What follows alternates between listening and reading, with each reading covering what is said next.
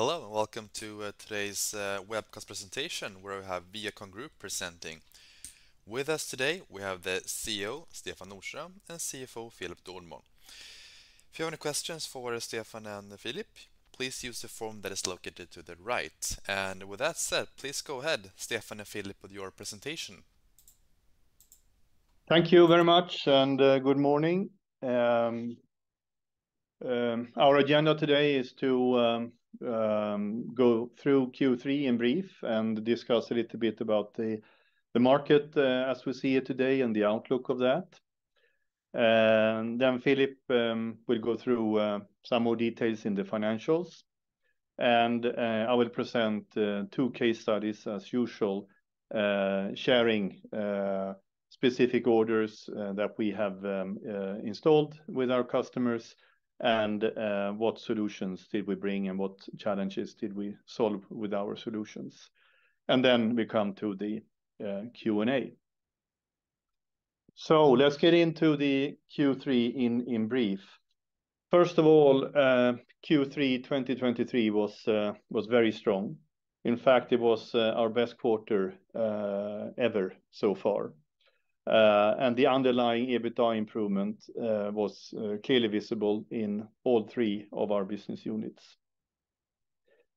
We have seen an increased market activity in most of our markets. Um, and the situation with delays in our customers' financing solutions has had a negative impact on the first and the second quarters, as we have shared with you, but is clearly improved uh, in the third quarter. The efficiency work that we initiated uh, already actually in the end of uh, 2022, and which we in June decided to intensify, has had a positive effect on our performance in Q3. And we are targeting to reduce our workforce positions by about 180 or more than 22% of our total number of employees. And during Q3, uh, the initiative uh, uh, has had a good progress and fully according to plan, and by the end of September, the absolute majority of these 180 positions was already completed. In Q3, we have also seen quite a strong order intake, 61.1 million euros, compared to 55.1 million euros in Q3 last year. So this is close to 11% up, uh, year-over-year, uh, quarter by quarter.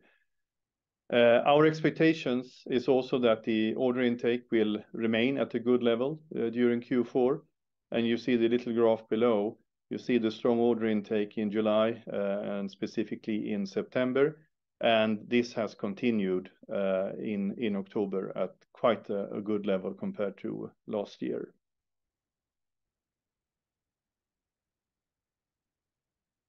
Looking at the market and uh, our outlook for the market, uh, there has been this delay in customers' financing during 2023 so far.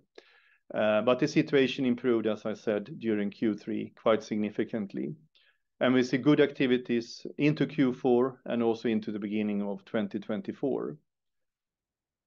The infrastructure projects where we are involved, they are committed to by uh, national authorities and fully backed by EU fundings that are dedicated for infrastructure investments.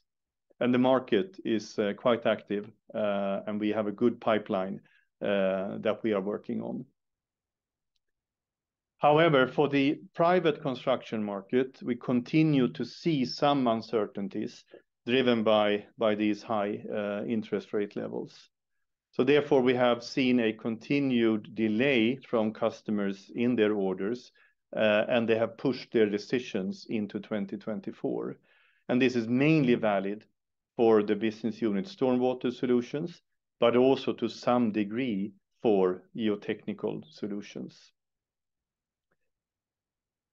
The availability and the pricing of uh, input goods uh, has continued to stabilize uh, to quite a normal level in Q3.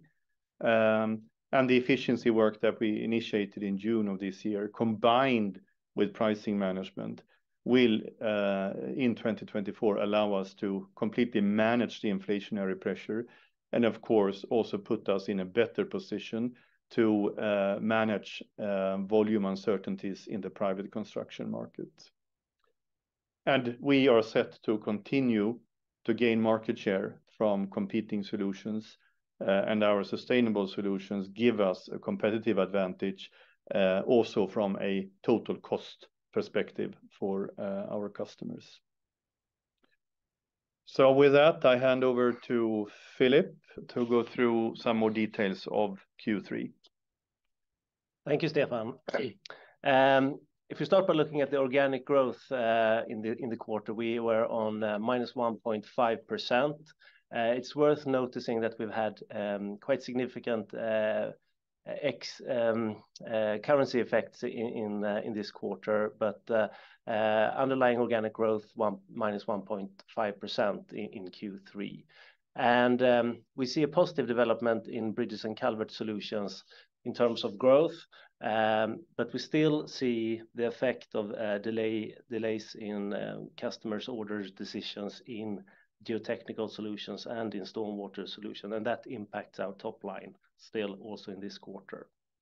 If we look at the EBITDA, we are 2.6 million above last year, and uh, a strong increase in EBITDA margins from 14.3 last year to 19.9 this year. And as Stefan mentioned, we are progressing very well in our um, efficiency work, and we have, through that initiative, a positive effect of 2.7 million on our cost base in the quarter. Also, order intake, as mentioned, very good in the quarter. Organically, a growth of 26.8%, so uh, a strong order intake in the third quarter, which is, of course, giving us comfort uh, when we look ahead for the coming quarters. If we then go through the three business units, and we start with Bridges and Culverts, here we can see that we have an organic growth of 27.6% in the quarter, so a very strong development uh, of this business unit. And here it's especially clear that the situation with the delays in the customer projects decisions are uh, improving uh, and has improved since this summer, and that's also showing in the numbers, of course. If we look at the EBITDA, you can see a quite uh, significant uplift, and uh, that is a combination, of course, of the increased sales, but also the efficiency initiatives that's positively impacting our cost base. Here we can see a really strong order intake, um, 98.6% uh, organically, um, and also in absolute numbers, a strong order intake, 31 million compared to 19 million the year before. Then if we move sorry, if we move to the GeoTechnical Solutions business unit, we see a decline in in sales, -22% organically, and this is uh, partly the uh, the effect of uh, the delays we've mentioned, but also that we we Uh, strategically has decided to exit business, which is not our core business and which is not giving us the profitability that uh, we expect from this business unit. So this change and this um, uh, efficiency work has a positive impact on our margins, as you can see. So despite the lower sales in the quarter, we are slightly above last year on EBITDA, also in this business unit.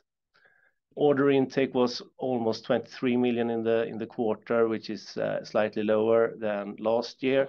However, that was uh, expected with uh, the situation of delayed decisions from our customers.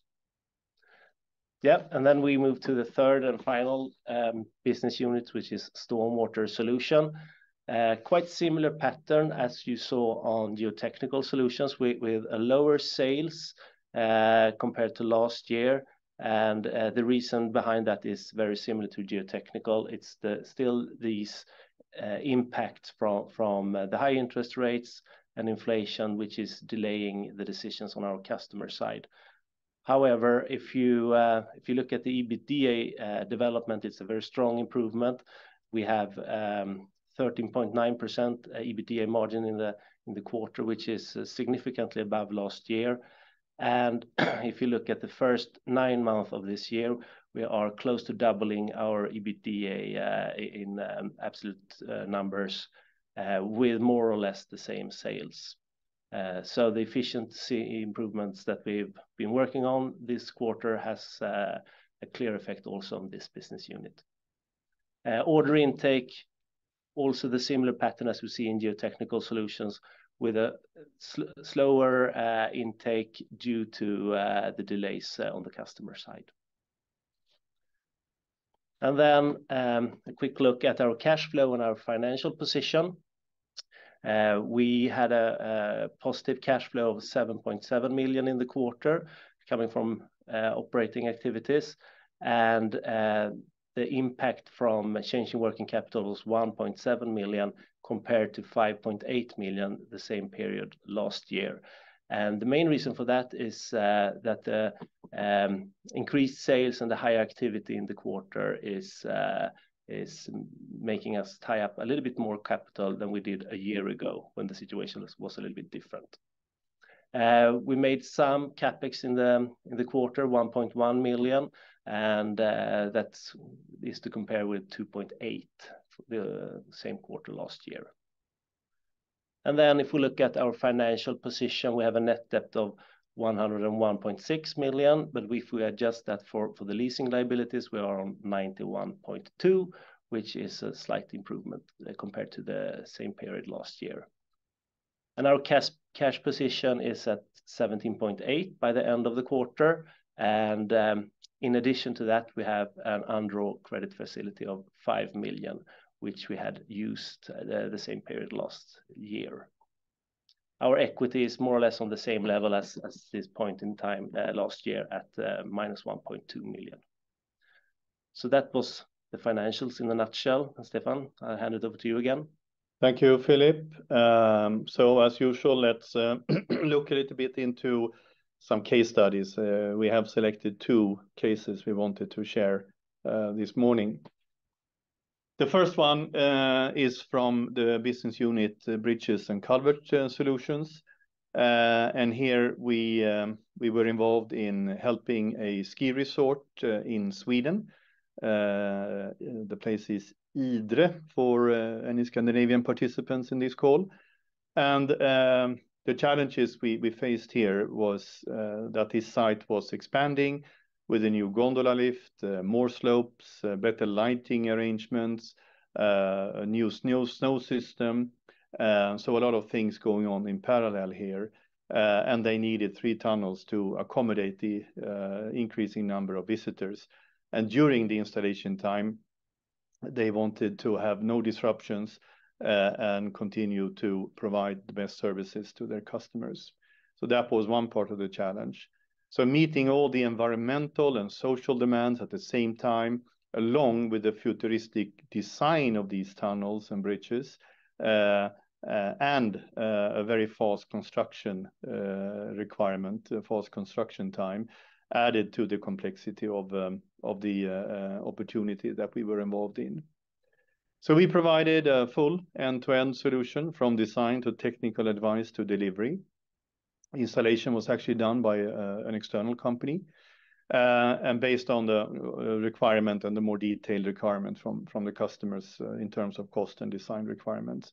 And we'll be using two of our product solutions. We call them Multiplate 200 and SuperCor structural plates, in this case. Um, So this meant that the tunnel design uh, was changed from a concrete uh, to steel, uh, and focused very much on a sustainable construction solution, which could be built quite quickly. Within two months, this was installed, and without disruption to the activity in the area.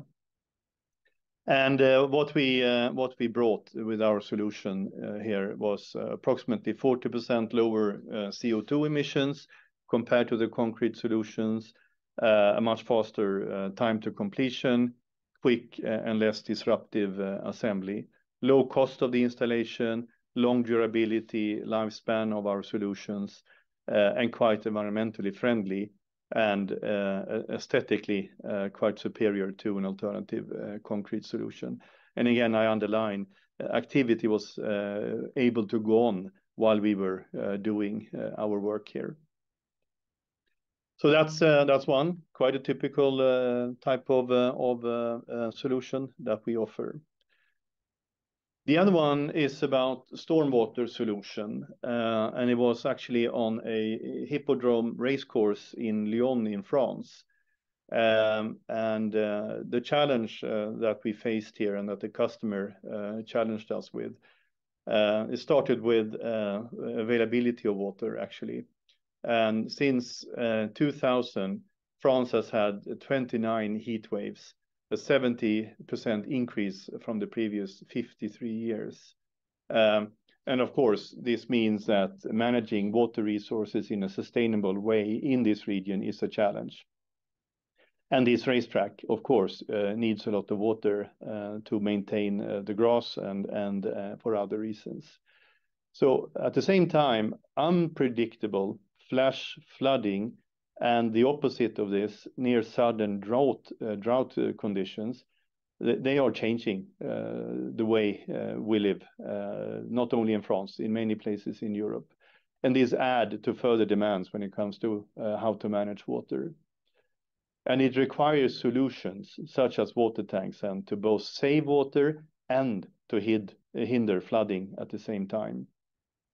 So the hippodrome racecourse needed to address these water use uh, challenges, uh, and it included water tanks for water reuse, but also uh, stormwater management to prevent the flooding.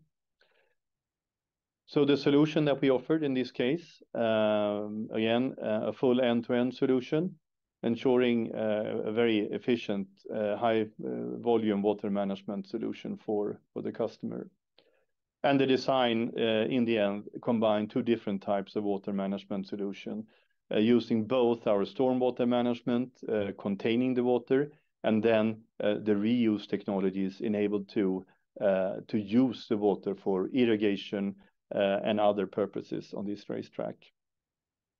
And the advantages with our solution, up to 60% lower CO2 emissions compared to the alternative solutions, Uh, much faster installation time, less disruption uh, to the activities uh, on the site. Um, high volume, approximately 945 cubic meter net volume that we can take of water in these tanks. And you see on the photo that it's not one tank, it's a multiple number of tanks here involved. Um, long durability, lifespan, as usual with the steel solutions, Uh, and uh, a good ease of transportation and very quick uh, installation time.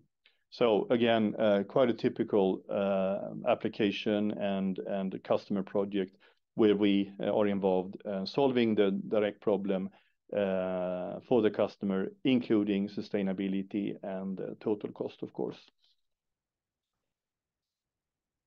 So with that, we um, open up for um, any questions, and um, we will try to answer as good as we can. Thank you for that presentation. And like I said, now we jump into the Q&A section. And uh, we'll start with the first question. Typically, net working capital is released in Q4, but seasonality is somewhat out of whack at the moment. What do you think about the working capital in Q4, and are there opportunities to optimize it further in the long term?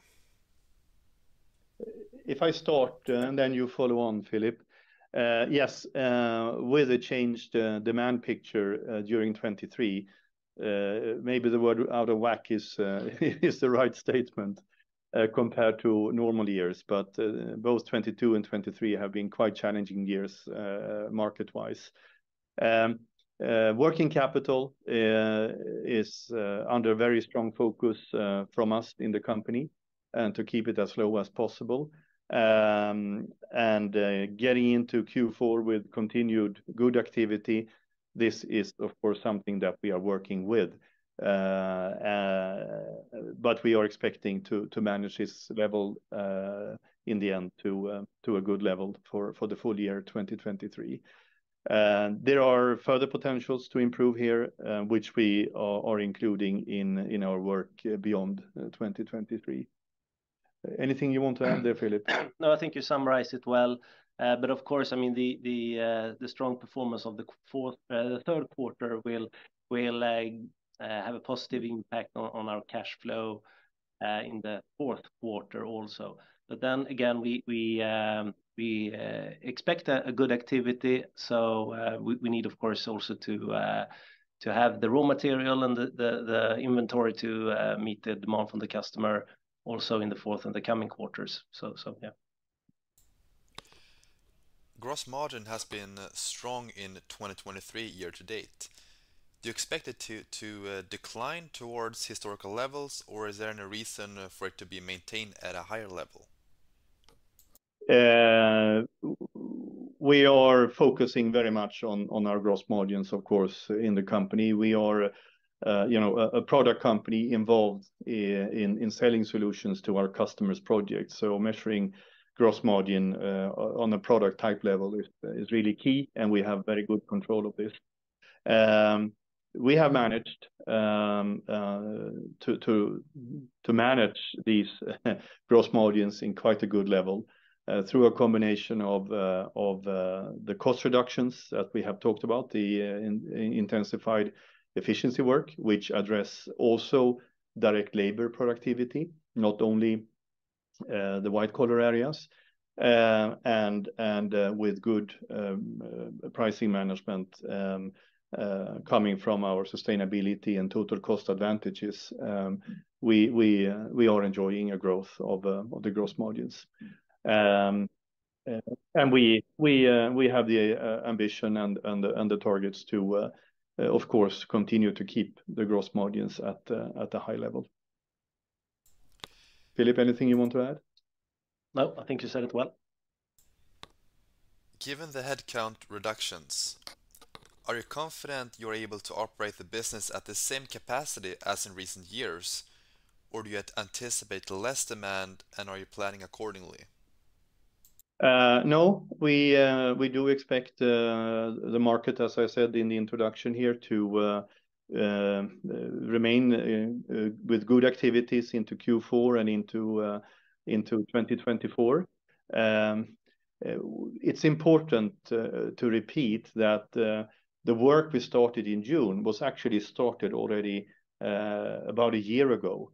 Uh, when we studied uh, the way we are organized, the way we work across all our countries uh, around in Europe, we realized quite early on that there are potentials to increase efficiency. So we addressed this efficiency work um, through a structural approach, meaning that there is also, as we have shared at the earlier or at the closing of Q2, we are expecting a lasting positive effect from this uh, uh, uh, efficiency work that we are doing now. Um, so, this is to a lower degree a capacity adjustment. It's more a structural efficiency improvement, and should not be read as our anticipation of lower market activities and sales going into 2024.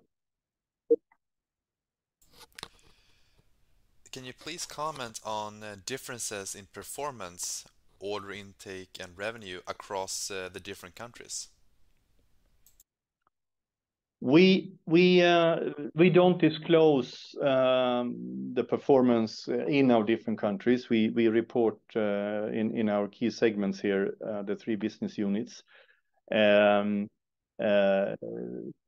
But I would say this inflationary pressure and customer delays of orders um, we have seen across the board uh, in Europe. Uh, uh, you know, maybe some markets are a little bit more hit than others, but there is no dramatic difference between our countries in Europe.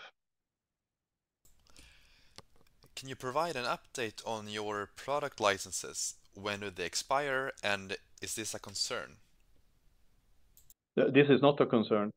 This is something uh, that, you know, we have all the licenses required, and uh, uh, We don't, you know, if any of them are expiring, our technical teams are constantly working on this. So if we, you know, if we not having the proper licenses, you know, that would that would really hurt us. And so we are not concerned about this question. Uh, you know, it's like you need your car key to drive your car in the morning.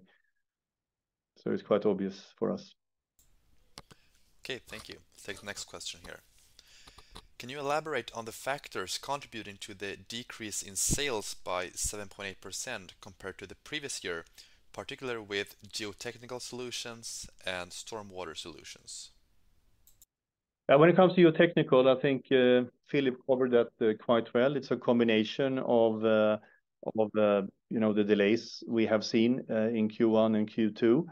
Um, but it's also, conscious decisions from our side to continue to drive the performance of the group to exit um, the low margin businesses that to some degree still exist in geotechnical, and that is not aligned with um, with our plans and our strategies. Um, so there is a two combination. But as an effect of it, we have seen uh, quite a good growth of our gross product gross margins in geotechnical, uh, as expected. Uh, and this supports the margin development development in the overall group.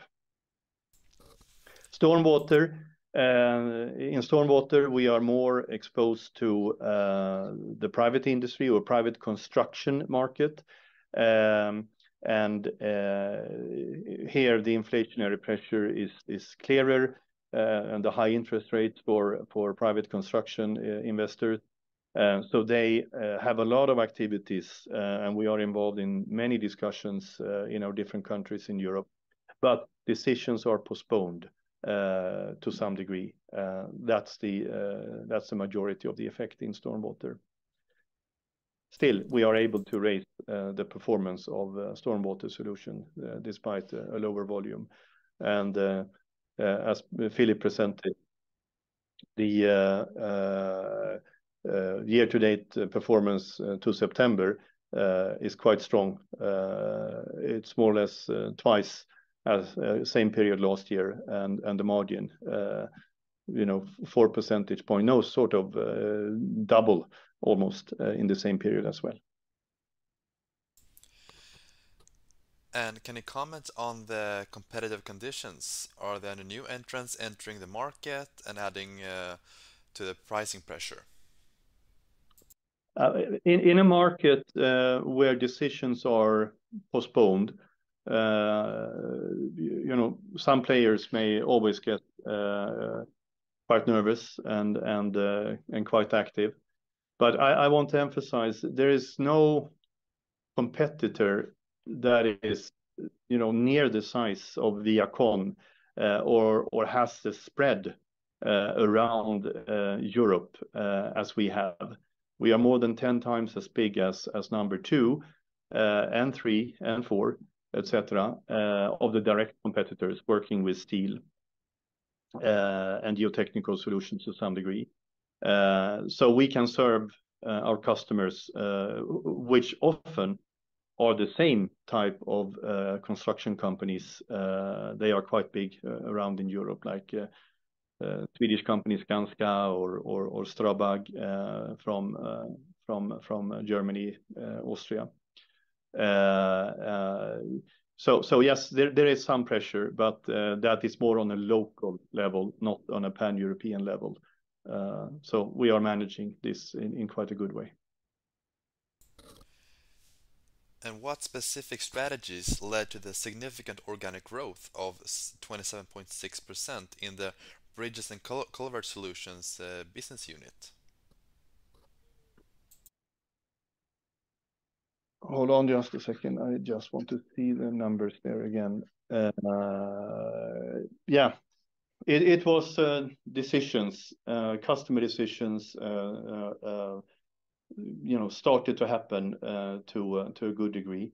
And um, specifically, um, some very good orders came to us Uh, this was actually in Turkey. It was not only Turkey, but Turkey was a bit special for us. Um, uh, coming from the earthquake uh, earlier this spring, and our solutions um, are quite good in such situations as well, because you can erect and install them very quickly, and they are very technically strong and can quickly support the infrastructure environment. This is just an example. This was not only the only orders we had in Q3. They were from many other markets uh, as well. But uh, BU uh, or the business unit um, Bridges and Culverts, they are more or less 100% working with infrastructure, and and those investments are are, you know, fully backed by national authorities and dedicated EU investments for infrastructure. Um, so decisions uh, had to be made in order to keep uh, the paces up uh, in infrastructure projects around in Europe. So it was a little bit the plug leaving the bathtub in Q3. And we continue to see this good activity into Q4 and into beginning of 2024. And how sustainable is the growth seen in Bridges and Culverts Solutions, and what measures are in place to maintain or improve this performance? Uh, yeah, as I just indicated, we we continue to see uh, a good market activity in that business unit in Q4 and uh, into beginning of 2024. There is still a lot of um, EU funds and national funds investments going into uh, infrastructure all over Europe, uh, both for refurbishing old infrastructure, um, uh, which you see a little bit more of in in Western Europe, and a little bit more of new infrastructure in in Eastern European countries. Um, we are very well positioned to take part of this growth, Uh, and we continue to drive our very proactive sales methodology, meaning that we work uh, very early with the national authorities to make sure steel uh, is part of the technical specification when these infrastructure projects come out for bidding from the different construction firms. So we are intensifying that work. And with our cost reductions we've done, Uh, we expect uh, uh, to see a growth on the top line, driven by the market and our ability to continue to take market shares with sustainability and total cost advantage, and thereby have a good performance into the future as well. We are very well positioned to participate in a good way here. And do you anticipate concrete becoming more competitive as prices are falling there? Uh, I don't know what uh, what the reference is on prices falling. Uh, we track costs of steel on a weekly basis. We also track cost of concrete on a weekly basis, and cost of concrete, by the way, Uh, concrete bridges uh, includes uh, 30%-40% of steel reinforcements as well, um, are following each other quite well. Um, but of course, long term, um, the concrete industry is also working on becoming greener, and there are new technologies for concrete coming, uh, you know, gradually into play, but this is more of a long-term plan to reduce their CO2 emission. But when it comes to steel, um, the steps of making the steel even more greener than what it already is are, you know, much more evident and available to us already today.